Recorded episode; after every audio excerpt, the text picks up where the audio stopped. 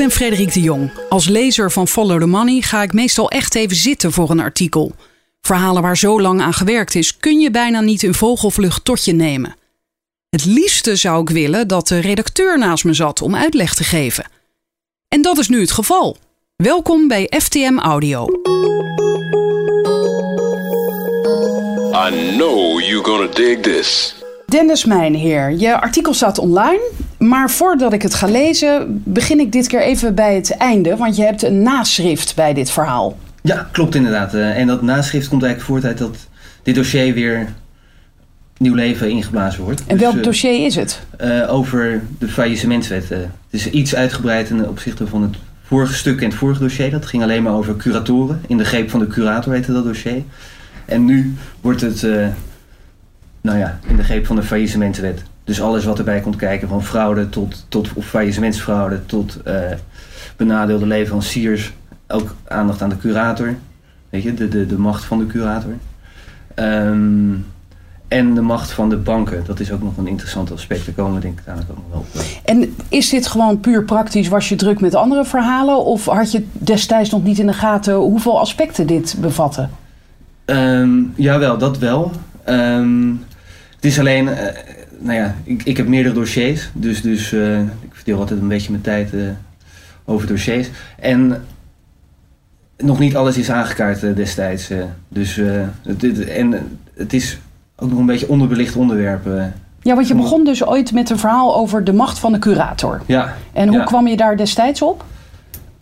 Ehm, ik denk dat dat een. Even kijken, dat is. Dat zal denk ik een tip zijn geweest over. Nou ja, er zijn natuurlijk heel veel faillissementen de afgelopen jaren geweest. Nou ja, bijna iedereen is boos op de curator. Eh, dus ja, is dat zo? Ja, de Ja, curator. dat is niet de meest geliefde, niet de meest geliefde eh, beroepsgroep. Terecht natuurlijk en deels onterecht. dat, dat, kijk, zo'n zo'n ondernemer die gaat failliet en vervolgens gaat er een hek om zijn bedrijf heen. Hij wordt er buiten het hek gezet. En de curator komt en die neemt alles over. En die gaat vervelende vragen stellen. Van hé, waarom heb je eh, vlak voor faillissement nog eh, je neef eh, betaald? Kijk, en zij moeten meewerken. Dus daar zit een spanningsveld. Dus, dus, en dat vind ik interessant om dat te kijken van ja, in hoeverre is dat terecht? Ja, en nu heb je een artikel geschreven en dat gaat dus over de faillissementswet. En dat artikel heet Dit is de schadelijkste wet van Nederland. Ik ga het lezen. Graag. Faillissementen laten jaarlijks bijna 5 miljard euro schuld na. Bij zo'n gigantisch bedrag zou je solide wetgeving verwachten. Maar niets is minder waar. De wet schept volop mogelijkheden voor fraudeurs, banken, ondernemers die personeel willen dumpen en curatoren die met een vork schrijven. Follow the Money duikt de komende maanden in de misstanden. In naam van Hare Majesteit Wilhelmina en bij de gratie Gods werd in 1893 de Nederlandse faillissementswet in gebruik genomen, nadat jurist Willem Molengraaf zijn voorontwerp had afgerond. Daarmee is de wet vijf jaar ouder dan de Gouden Koets. In tegenstelling tot het koninklijk rijtuig is de wet in al die 125 jaar nooit aan een grondige renovatie onderworpen.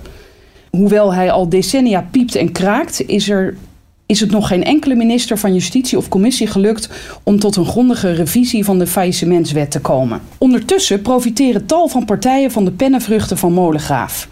Grof declarerende curatoren, banken die met ellebogenwerk hun leningen opeisen en faillissementsfraudeurs die bedrijven leegplukken kunnen vrijwel ongestoord te werk gaan. Politie, Openbaar Ministerie en ook rechters missen veelal kennis en mankracht om fraudeurs te bestrijden.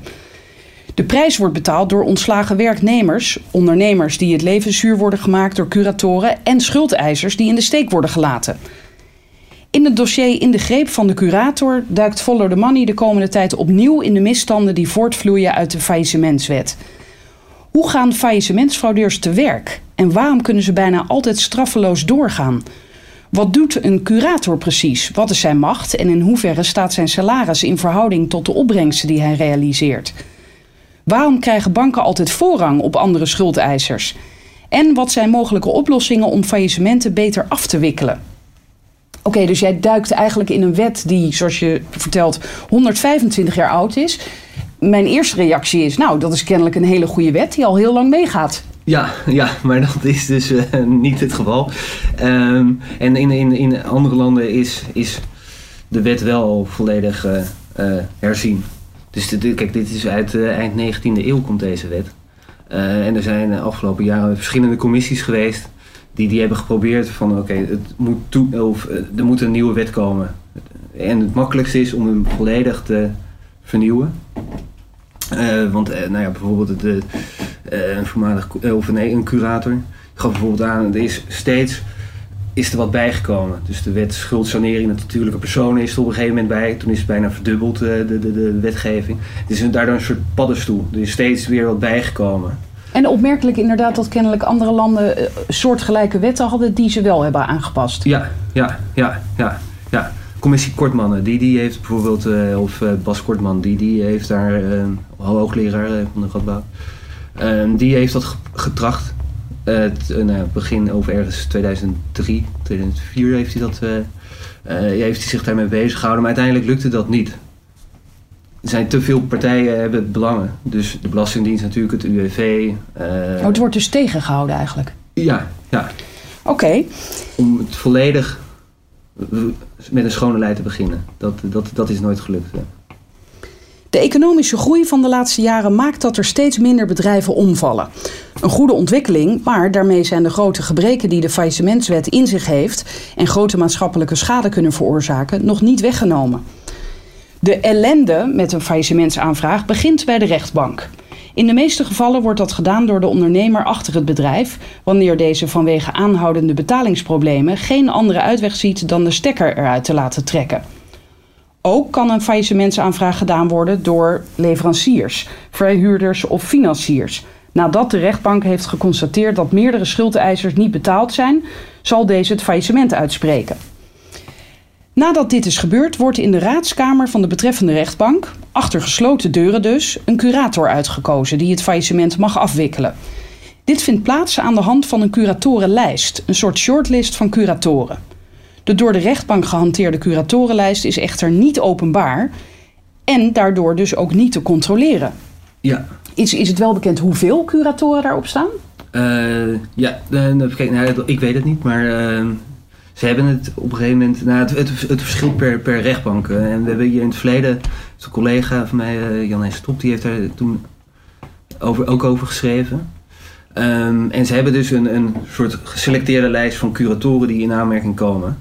En de afgelopen jaren is die lijst wel ingekort. Dus wij spreken was het, uh, voorheen waren er 100 curatoren. Ze wilden meer of zo'n rechtercommissaris die dan toezicht houdt op die curatoren. Die, die, probeerde, of die probeerde die lijst in te krimpen. Dus elk jaar gingen er dan een paar vielen af. Want die werden gewoon niet meer gebeld? Ja, ja. ja. Okay. En het is wat, wat makkelijker of wat beheersbaarder dan dat je, dan, dat je 100 ja. mensen moet, uh, eigenlijk moet controleren. Want ze moeten wel gecontroleerd worden. Ja, ja zeker ja. ja. Ja, je begint er een beetje bij te lachen? Nou, kijk, de, de, de, de wet geeft de curator heel veel macht. Dus uh, heel veel hele grote bevoegdheden hebben zij. En dan is het belangrijk dat, toch, dat, dat er een rechtercommissaris... of dat die aan iemand verantwoording moet afleggen. Bijvoorbeeld, hij kan panden verkopen. Voor welke prijs verkoopt hij het? Uh, dus en daar moet hij goedkeuring. En als hij bijvoorbeeld een uh, ondernemer aansprakelijk gaat stellen voor onbehoorlijk bestuur. Of, uh, nou ja, dan, dan zijn behoorlijk ingrijpende maatregelen. Dus ja, dan is het logisch dat die aan iemand verantwoording moet afleggen. Ja. En daar zit ook nog een probleem, maar daar komen we zo nog op. Oké. De curator belandt vervolgens van de ene op de andere dag in een voorheen onbekend bedrijf met een complex krachtenveld. Het personeel verkeert in onzekerheid, voorraden bederven, schuldeisers zijn boos en banken willen hun leningen opeisen. Al met al een hele uitdaging voor de curatoren, die veelal nooit een bedrijfseconomische achtergrond hebben. De meeste hebben na een studie rechten slechts een korte specialisatieopleiding gedaan. De faillissementswet vermeldt dat een curator moet opkomen voor de belangen van de gezamenlijke schuldeisers. Zijn of haar doel een zo hoog mogelijke opbrengst genereren met de overgebleven bezittingen om daarmee de schuldeisers zoveel mogelijk te compenseren. Die schuldeisers blijken bij het gemiddelde faillissement echter de grootste losers te zijn. Gemiddeld zien zij bij het verdelen van de boedel nog geen 2% van hun openstaande factuurbedrag terug.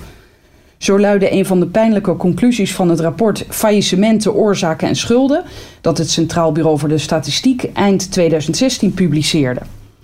Uit dat rapport bleek verder dat alle in 2015 beëindigde faillissementen in totaal 4,9 miljard euro schuld achterlieten. Daarvan bleef maar liefst 4,4 miljard euro uiteindelijk onbetaald. Oké, dit zijn behoorlijke bedragen. Uh, waar is dat geld dan gebleven? Dat zijn gewoon verliezen die zijn geleden door het bedrijf. Want daarom zijn ze uiteindelijk ook failliet gegaan. Ja, dus dat zijn bijvoorbeeld nog... Uh, het bedrijf is failliet en die hebben nog een achterstand, een huurachterstand. Ze hebben nog onbetaalde rekeningen aan uh, leveranciers. Uh, ze hebben een vennootschapsbelasting of een btw nog niet afgedragen. Of moeten ze nog afdragen. Ze moeten nog pensioenpremies, misschien lopen ze mee achter. Dus het, is echt, zijn maatschappelijke kosten grotendeels. Ja, en uiteindelijk staan er dan allerlei mensen op de stoep die nog hopen dat ze hun geld kunnen krijgen. En dan zeg jij, de schuldeisers die, het nog, die er nog het genadigst van afkomen, de Belastingdienst en het UWV. Zij kregen gemiddeld respectievelijk 8,9 en 10,7 procent van hun openstaande bedrag uitgekeerd. Ja. Wat op zich natuurlijk ook niet zoveel is. Nee, maar meer dan. Ja, ja, en dat komt eigenlijk. Uh, uh, er is een soort, soort rangorde in de verdeling van, van de boedel. Dus het bedrijf gaat failliet. En nou ja, zo'n curator die opent een boedelrekening. En die gaat alles van waarde, gaat die, uh, nou ja, gaat die, gaat die ja, hij zorgt voor geld in de boedel in ieder geval. Dus hij verkoopt de voorraden, hij verkoopt, uh, of hij in nog de openstaande facturen. En vervolgens moet hij dat verdelen. En dat is dan eh, verloopt via een soort rangorde. Dus, um, die is ooit, die is 125 jaar geleden ook bedacht, ja, die rangorde. Ja, Oké. Ja. Dus, dus leveranciers eigenlijk, dus de, de, de gewone, of een, een, een verkoper van, van, uh, van de, uh, materiaal die staat echt helemaal aan het einde van de rij. En iets daarvoor staat uh, de Belastingdienst en het UWV. En nog verder daarvoor staat, uh, of eigenlijk ja, nog verder daarvoor staan de banken als ze pandrecht. Dat, uh. Gewone schuldeisers, zoals leveranciers die op rekening goederen hebben geleverd, ja, hier zijn ze inderdaad, komen er daarentegen extra schraal vanaf. Zij zien gemiddeld maar 1,6% van hun openstaande factuurbedrag terug. Voor de gewone handelscrediteuren is het faillissement een pauperparadijs. Zo concludeerde hoogleraar burgerlijk recht Bas Kortman afgelopen september dan ook in zijn afscheidscollege aan de Radboud Universiteit. Je noemde hem eerder, hij heeft die commissie geleid. die heeft geprobeerd om de wet te veranderen, maar dat is niet gelukt. Nee, nee.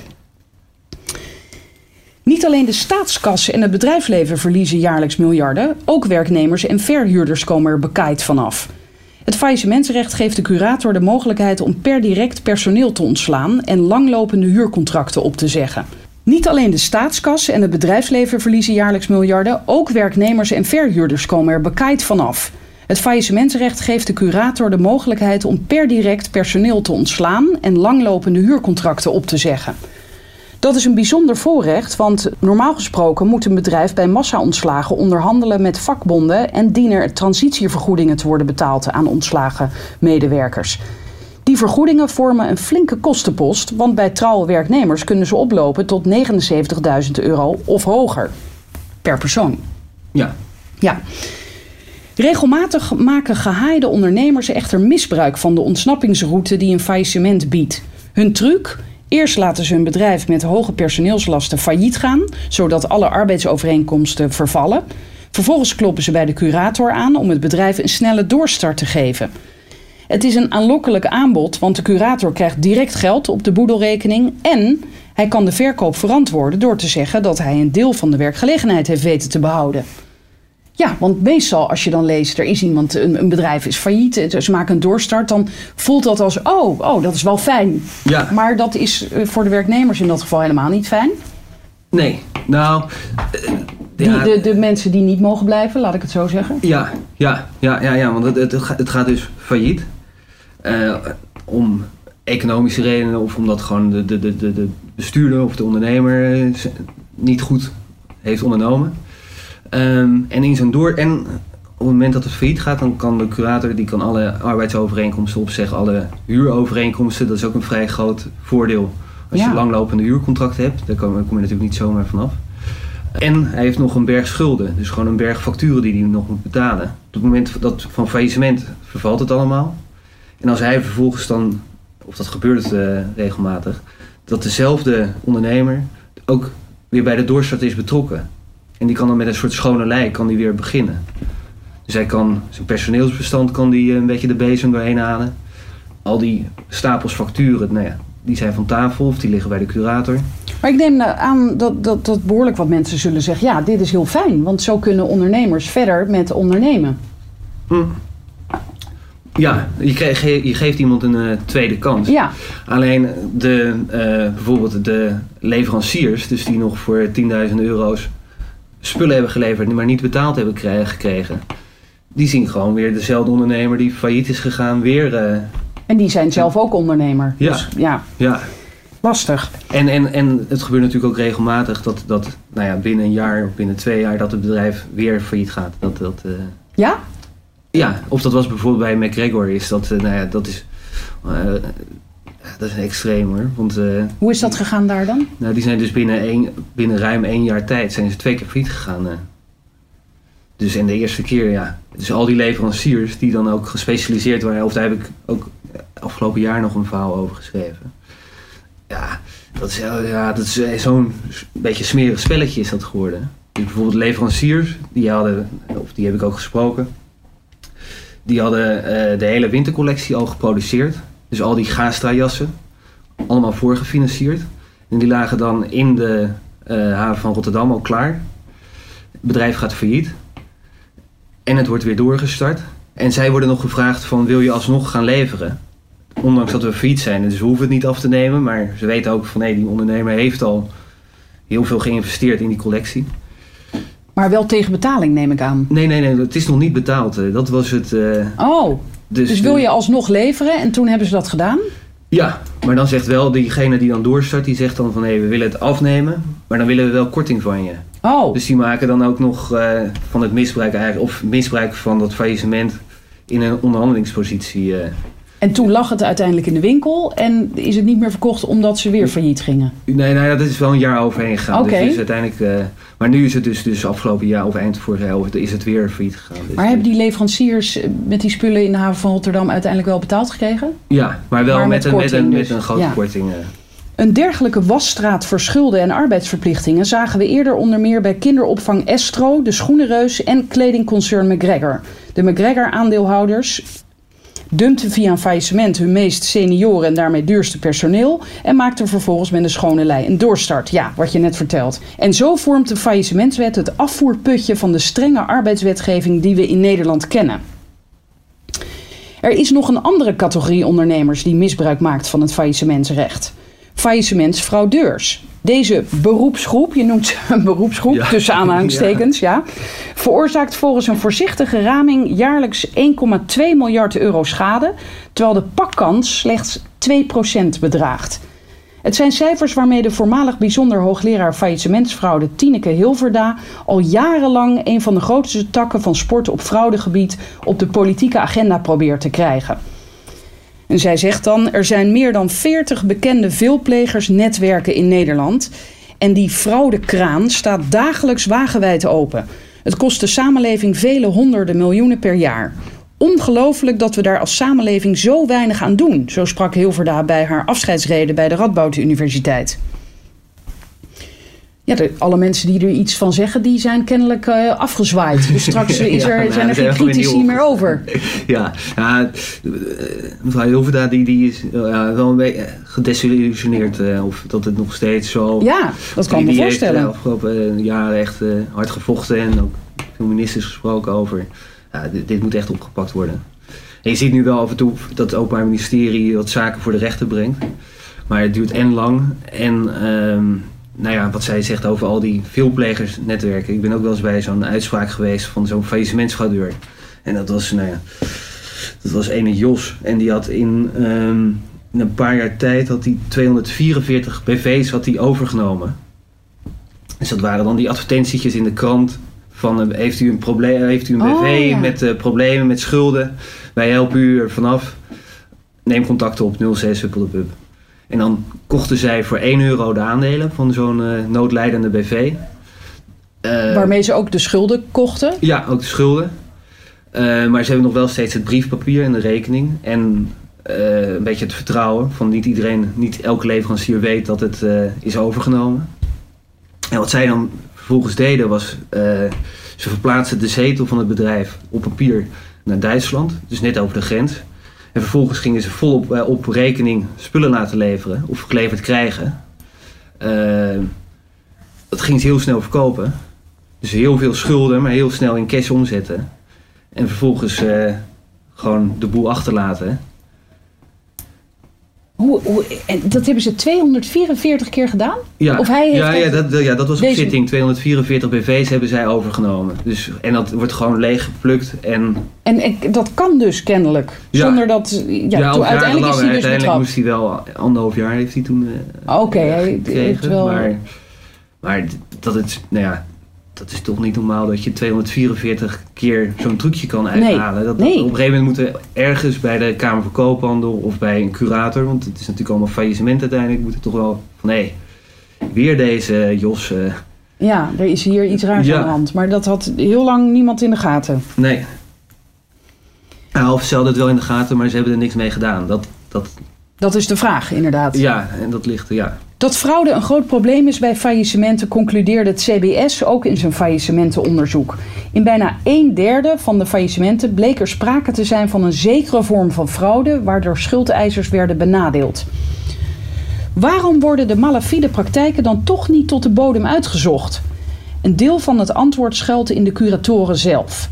Omdat in Nederland curatoren worden betaald uit de boedelopbrengst, voeren zij hun takenpakket uit met een schuin oog op de boedelrekening. Wanneer de boedel van het bedrijf leeg is, wordt de curator geacht om voor niets te werken. Een paar jaar geleden trok curator Ton Tekstra al aan de noodrem. Als wij een benoeming krijgen bij een faillissement, dan zit er bij 80% niks in de boedel. Elke uur daaraan besteed kost het kantoor gewoon geld. Dat lossen we dan snel op door enkel te kijken naar de hoognodige indicatoren. Zijn er gekke dingen gebeurd? Is er sprake van bestuursaansprakelijkheid? Zijn de aandelen volgestort? Zijn er schuldeisers benadeeld? En zijn jaarstukken op tijd gedeponeerd? En vervolgens snel afwikkelen. Kortom, lege boedels leiden tot minimale inspanningen van curatoren die declarabel moeten opereren. Wanneer er meer werk dreigt, kan het zelfs tot vluchtgedrag leiden. Zo komt het voor dat curatoren faillissementen waarin zij zijn benoemd aanvechten of niet komen opdagen bij rechtszaken. Dat leidt soms tot bizarre situaties. Zoals afgelopen jaar bij het Groningse olie-afvalverwerkingsbedrijf North Refinery. Dat ging in 2015 failliet, waarna er chemicaliën dreigden te lekken. Hmm. De million dollar question: wie moet een milieuramp voorkomen? Het leidde tot een impasse tussen de provincie Groningen en de aangestelde curator Harmjan Meijer, die te maken had met een lege boedel. Hij kwam zelfs niet opdagen op de zitting van het kortgeding dat tegen hem was aangespannen door de provincie. Dat kost namelijk geld en dat is er niet, dus dat is niet in het belang van de boedel. Bovendien heb ik wel wat beters te doen, al dus curator Meijer tegen RTV Noord. Hè? Wacht even. Eh, Dit is kennelijk zo normaal dat zo'n man dat gewoon in de krant wel wil zeggen.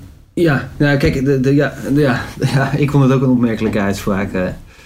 Mm, maar het, dat, het probleem van die lege boedels, dat, dat, dat, ja, dat is echt een groot probleem. Dat is gewoon een soort risico dat je erbij neemt als curator. Ja, ja. en het, algemeen wordt dat gezien van de ene keer heb je, heb je een beetje geluk, of, of dan heb je, gewoon- is er wel gewoon geld in de boedel en kan je wel eh, declareren. En dat, die declaraties zijn vrij fors, of in ieder geval het standaard tarief is nu, of het basistarief, is 212 euro per uur. Eh, maar af en toe moet je dus ook, of word je aangewezen in een faillissement met een lege boedel. Maar dan lijkt het me inderdaad logisch dat je minder hard loopt. Ja, ja, dus dan doen ze het minimale op wat die tekst ook aangaf. Eh, dus maar gemiddeld toch 20, 30 uur eh, zijn ze bezig met... eh Maar goed, in dit geval ging het dus om een aanstaande milieuramp, schrijf jij. ja. ja, of ja, er was een, een groot probleem met, met mogelijke lekkages en, en wie gaat dat oplossen? En als er geen geld in de boedel is, ja, En hoe is dat toen opgelost? Is, is, Weet er, ik- ik is er een lekkage geweest? nee, nee, nee, volgens mij niet. eh. nee. Maar dit, dit vond ik een illustratief voorbeeld voor, voor ehm, ja, die problematiek met die lege boedels. eh. En Zeker, je ziet het ja. steeds eh, terugkomen. Als er geen geld in de boedel zi- zit, dan gaan, gaat de curator bijvoorbeeld ook niet hardlopen om zo'n faillissementsfraudeur, om dat helemaal uit te zoeken. of aangifte te doen. Dat, dat is een eh, probleem. eh. Ja, nogal lijkt me, inderdaad. En aan de andere kant wordt er ook weer misbruik van gemaakt door bijvoorbeeld leveranciers. Dus als die weten, zodra ze weten van hé, er is geen geld in de boedel. En zij moeten nog een factuur aan die failliete onderneming betalen. Dus ze hebben bijvoorbeeld spullen geleverd, keukens. En ze moeten nog betalen. Nou ja, of, en hier kom ik nog terug in een eh, komend artikel. Maar, ehm, dus dat, dat, dat heb ik van curatoren gehoord. Dan gaan ze allemaal, nou of allemaal is een beetje sterk, maar eh, ze krijgen dan heel vaak te horen van ja, maar de kwaliteit was niet goed. Dus die curator die gaat dan aankloppen bij die eh, afnemer van hé. Hey. Ik heb Jij moet nog betalen? keuken. Ja. En het eerste wat ze dan zeggen van eh, ja, maar die kwaliteit was niet goed.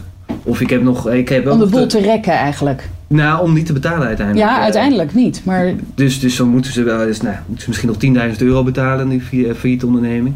Dan zeggen ze, ja, nee, maar die kwaliteit was niet goed. Of, of ze zeggen van, ja, ik heb nog eh, 10.000 euro van eh dat failliete bedrijf te goed.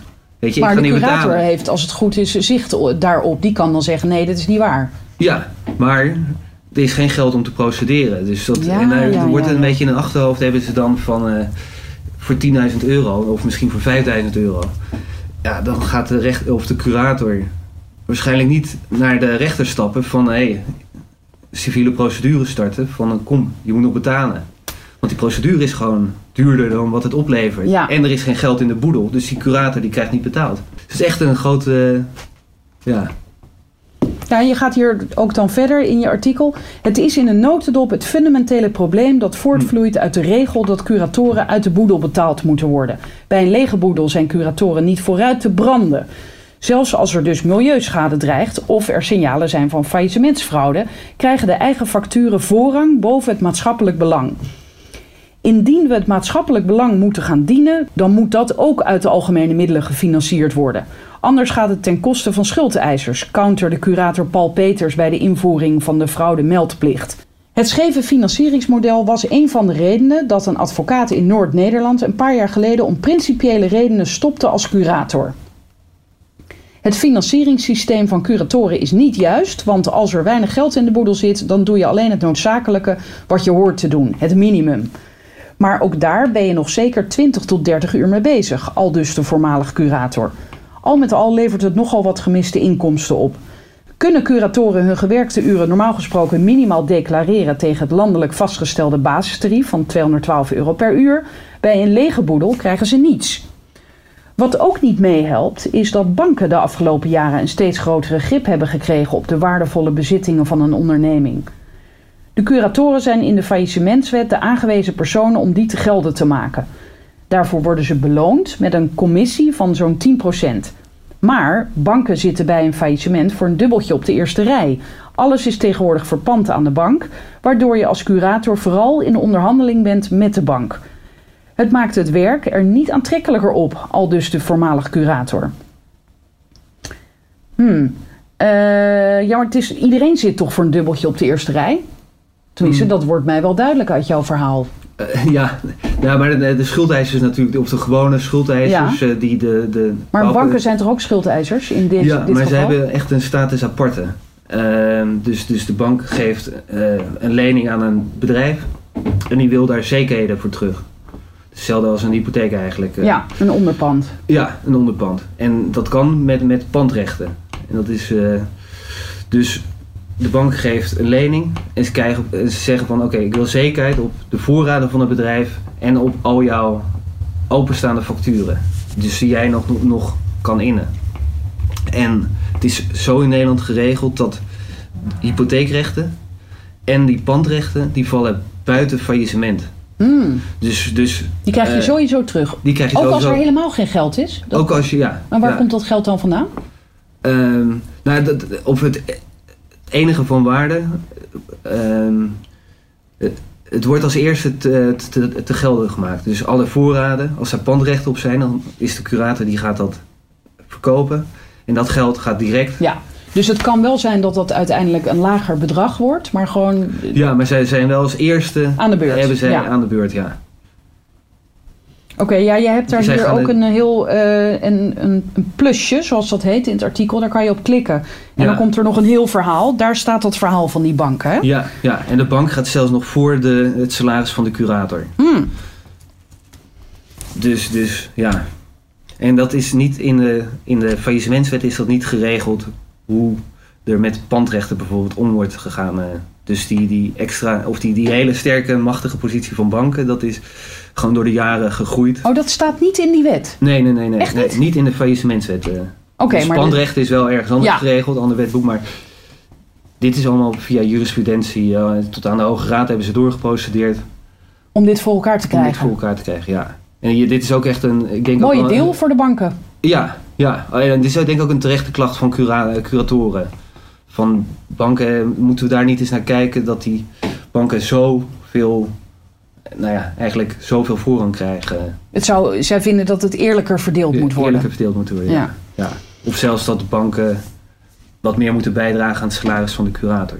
Dat, eh, Ja, je gaat dan ook verder met eh, de rol van de curator.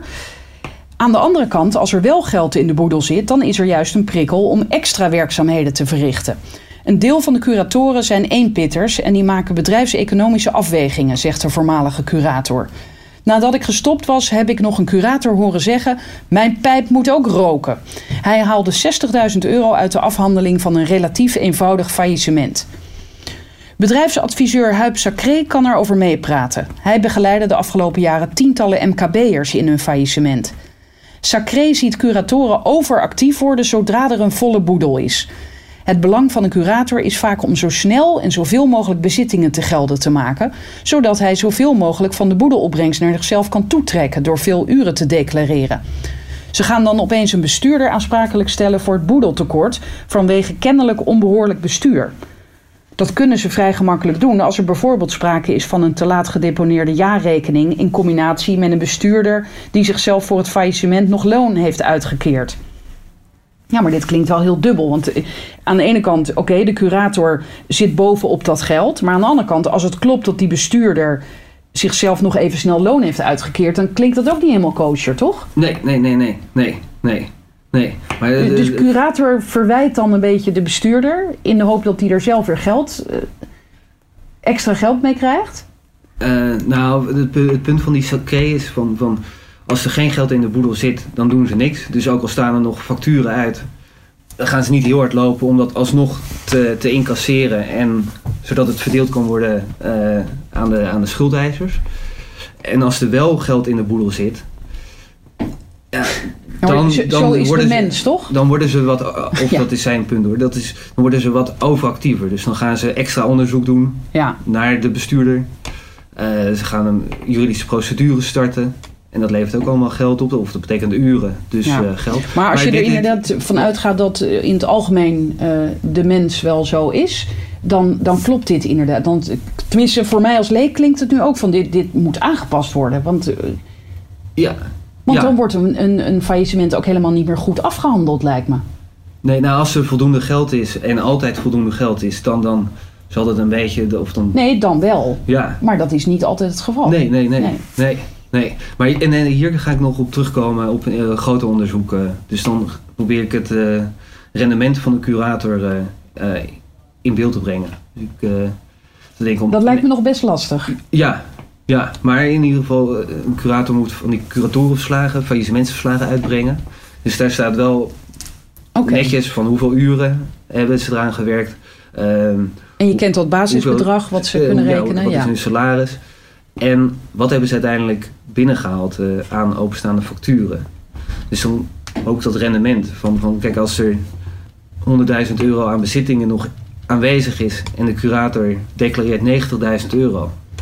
En dan blijft er 10.000 euro over voor de schuldeisers. Ja, dan kan je natuurlijk afvragen van, is dit wel, eh, In balans. is dit wel in balans? Ja. Ja, als er weinig geld is, ziet Sacré het tegenovergestelde gebeuren. Kapitaalvernietiging wordt niet altijd voorkomen. Ik zie het bijvoorbeeld gebeuren dat curatoren bezittingen voor belachelijk lage prijzen verkopen. Dat komt doordat een curator geen maatschappelijk en zakelijk belang heeft bij de afwikkeling van een faillissement. Follow the money zal Sacré's beweringen over machtsmisbruik van curatoren nog verder nagaan. Ja, dat zei je net. Feit is al wel dat de faillissementswet de curator ongekend veel macht in handen geeft. Zo neemt zij de bevoegdheid over van de directeur en kan ze alle huurcontracten opzeggen, het personeel ontslaan, openstaande facturen innen, juridische incasso-procedures starten en voorraden verkopen via executieveilingen bij bijvoorbeeld Daan Auctions of Troostwijk-veilingen. Met andere woorden, de curator beslist, zij is de baas. Hé, hey, hier zit opeens een zij. Zijn er ook vrouwen? Ja, ja, ja zeker. Ja. Oké, nee, want Ja. net was het nog een hij, nu is het een... Oké. nee. Ook kan de curator achter de gefailleerde ondernemer aangaan als ze vermoedt dat er sprake is van onbehoorlijk bestuur of dat de ondernemer schuldeisers benadeeld heeft door voorafgaande aan het faillissement nog snel wat bezittingen weg te kapen uit de bedrijfsinventaris. De gevolgen kunnen groot zijn. De ondernemer kan door de curator privé aansprakelijk worden gesteld voor het boedeltekort. De gefailleerde ondernemer moet meewerken vanwege diens wettelijke informatieplicht. Hij of zij moet de administratie afgeven en vragen van de curator beantwoorden. De curator kan zelfs iemand laten gijzelen als diegene niet goed meewerkt. Een bekend geval is eh, Roger Lips, de Brabantse projectontwikkelaar, die SNS-bank in 2013 aan het wankelen bracht. Het leidde ook tot de finale ondergang van Lips, zowel zakelijk als privé.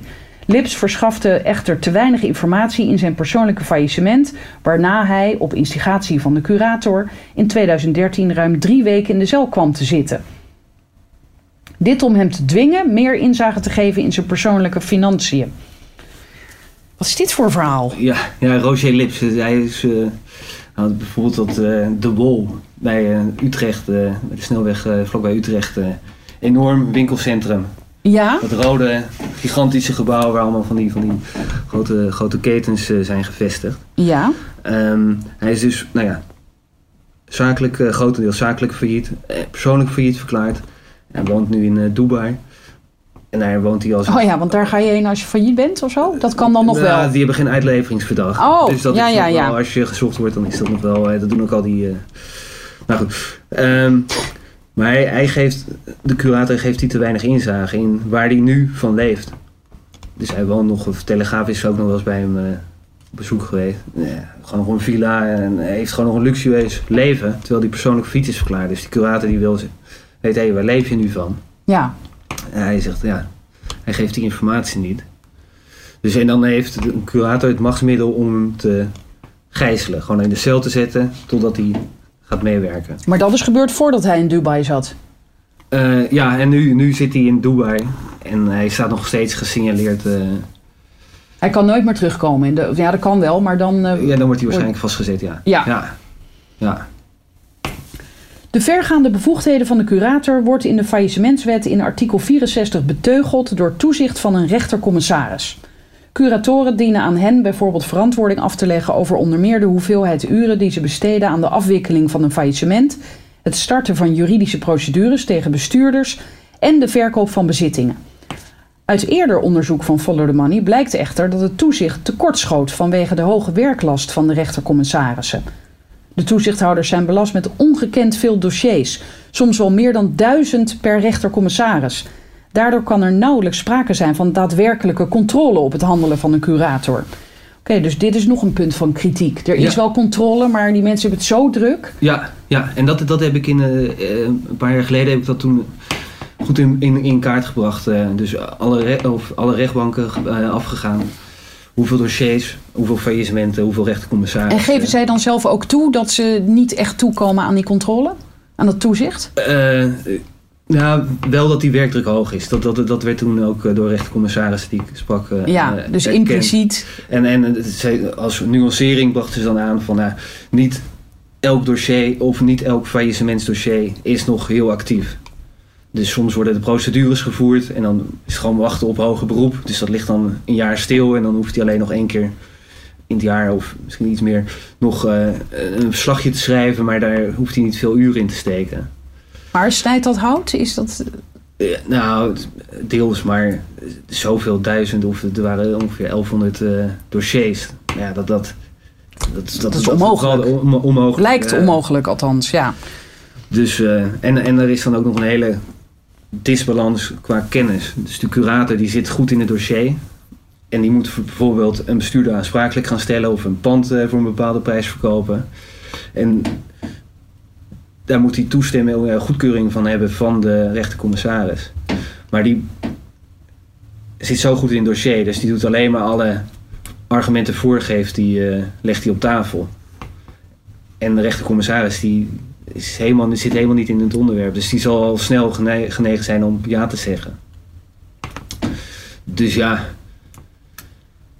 moeilijk, moeilijk. eh. Ja. En, en dan heb je ook nog van als op een gegeven moment de rechtercommissaris een eh, voornemen van de curator heeft goedgekeurd. En terwijl dat achteraf toch niet zo'n goede beslissing is geweest, dan zitten ze een beetje samen in hetzelfde schuitje. Dus hij heeft toestemming gegeven, dus Is mede verantwoordelijk? mede verantwoordelijk, ja. Ja, ja. En daar heb ik toen, toen ja, dat dat ja, niet, gewoon niet goed, niet goed is gegaan. En die druk zal nu wel wat minder zijn geworden, omdat er natuurlijk wat minder faillissement, of een stuk minder faillissement... Omdat het eh, beter gaat met de economie. ja, maar dan nog is het, eh, dat toezicht is wel een, een, een, een punt.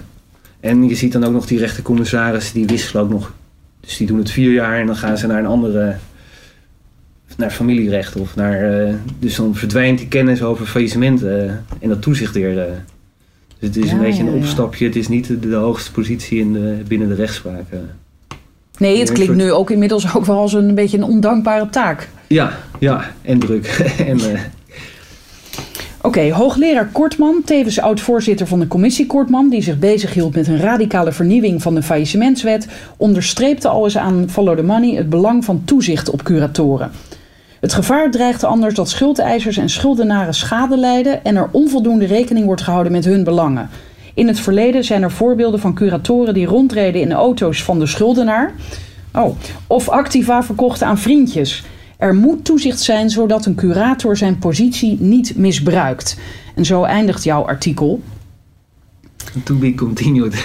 Nou ja, en die wet dus, waar je ook je verhaal mee begint, bestaat 125 jaar. Eerst zei ik, nou dat klinkt alsof die stevig staat en dat nog steeds goed doet. Maar er is toch meer aan de hand. Hoe kan het dat die in al die 125 jaar nooit veranderd is? nou, hij is wel, dat is wel, hij is nooit volledig Herzien. herzien. Ja, dus Er zijn kleine wel, eh, aanpassingen ja, geweest. herijkingen.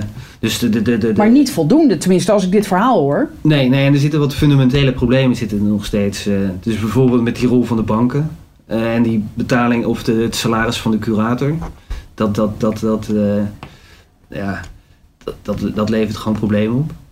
Dus, en dat Wat, zou voor- een betere oplossing zijn? Ehm, daar, daar kom ik overigens ook nog op terug in een, eh, of uitgebreider op een Oké. vervolgartikel. Maar bijvoorbeeld ehm, in, in, in Duitsland eh, en Frankrijk eh, is bijvoorbeeld een deel van het salaris van de curator bijvoorbeeld betaald door, bank, eh, door de bank. Weet je, omdat die de, vaak de grootste schuldeiser zijn. Dus die zorgen gewoon voor een extra financiering van, eh, Oh, van de oké. curator. eh. En dat lijkt goed te werken? Ja, en, ja, ja, ja, en het is ook wat eerlijker. Eh, Degene die het meeste geld terugkrijgt binnen een faillissement, dat die ook Ja, de grootste naar ratio dan bijdraagt. is dat salaris bijna een soort commissie die je betaalt. Ja, Ja. ja. en zo'n curator doet toch werk voor de bank. Die, die verkoopt voor hem allerlei, allerlei bezittingen die vervolgens eh, naar de bank vloeien. En zeg jij nou overal, dit is echt een hele kwalijke toestand? Ik bedoel, moet die wet eh, veel grondiger herzien worden, volgens jou ook? Ja, er moeten dingen beter geregeld worden. Eh, dus dus eh, ja, Ja, maar dat klinkt als, bedoel, dingen kunnen altijd beter geregeld worden. Of, is het echt een schande dat die wet nog steeds in de huidige vorm functioneert, zo gezegd? ja nou, schande is... Dat ook weer Oh, niet. Nee, nee, nee. nee want Maar goed, die nog steeds- hoogleraren die jij opvoert, die dus allebei afscheid hebben genomen, die, die, die- ja, je zei al over mevrouw. Eh, Tineke Hilverda. ja, dat Ja. die behoorlijk gefrustreerd ja, is. Ja, maar die, die geeft ook wel aan dat, dat het is niet alleen de wet, het is ook bijvoorbeeld de vervolging. Dus, dus het is nu heel gefragmenteerd de kennis op het gebied van faillissementsfraude. Dus het zit en bij de FIOD. Nou ja, die, die worden algemeen gezien als, eh, weet je, die hebben verstand van zaken waar zij eh, op het gebied van faillissementsfraude. Dus als zij op hun zaak duiken, weet je, dan, dan weten zij dat te achterhalen wat er precies aan de hand is eh, en wat strafbaar is. Maar het wordt ook weer op lager politieniveau, wordt er eh, bijvoorbeeld eh, gewoon de regiopolitie of die wikkelen ook nog faillissementen af. En dan heb je nog alle rechtbanken die, die nemen ook nog faillissementzaken in behandeling. En zij pleiten eigenlijk voor van je moet het echt veel meer centraliseren, die kennis. Dus VIO doet alle, bijvoorbeeld alle opsporingsonderzoeken. En er moeten gewoon een paar gespecialiseerde rechtbanken zijn in Nederland. Die gewoon aan de lopende band die zaken afwikkelen.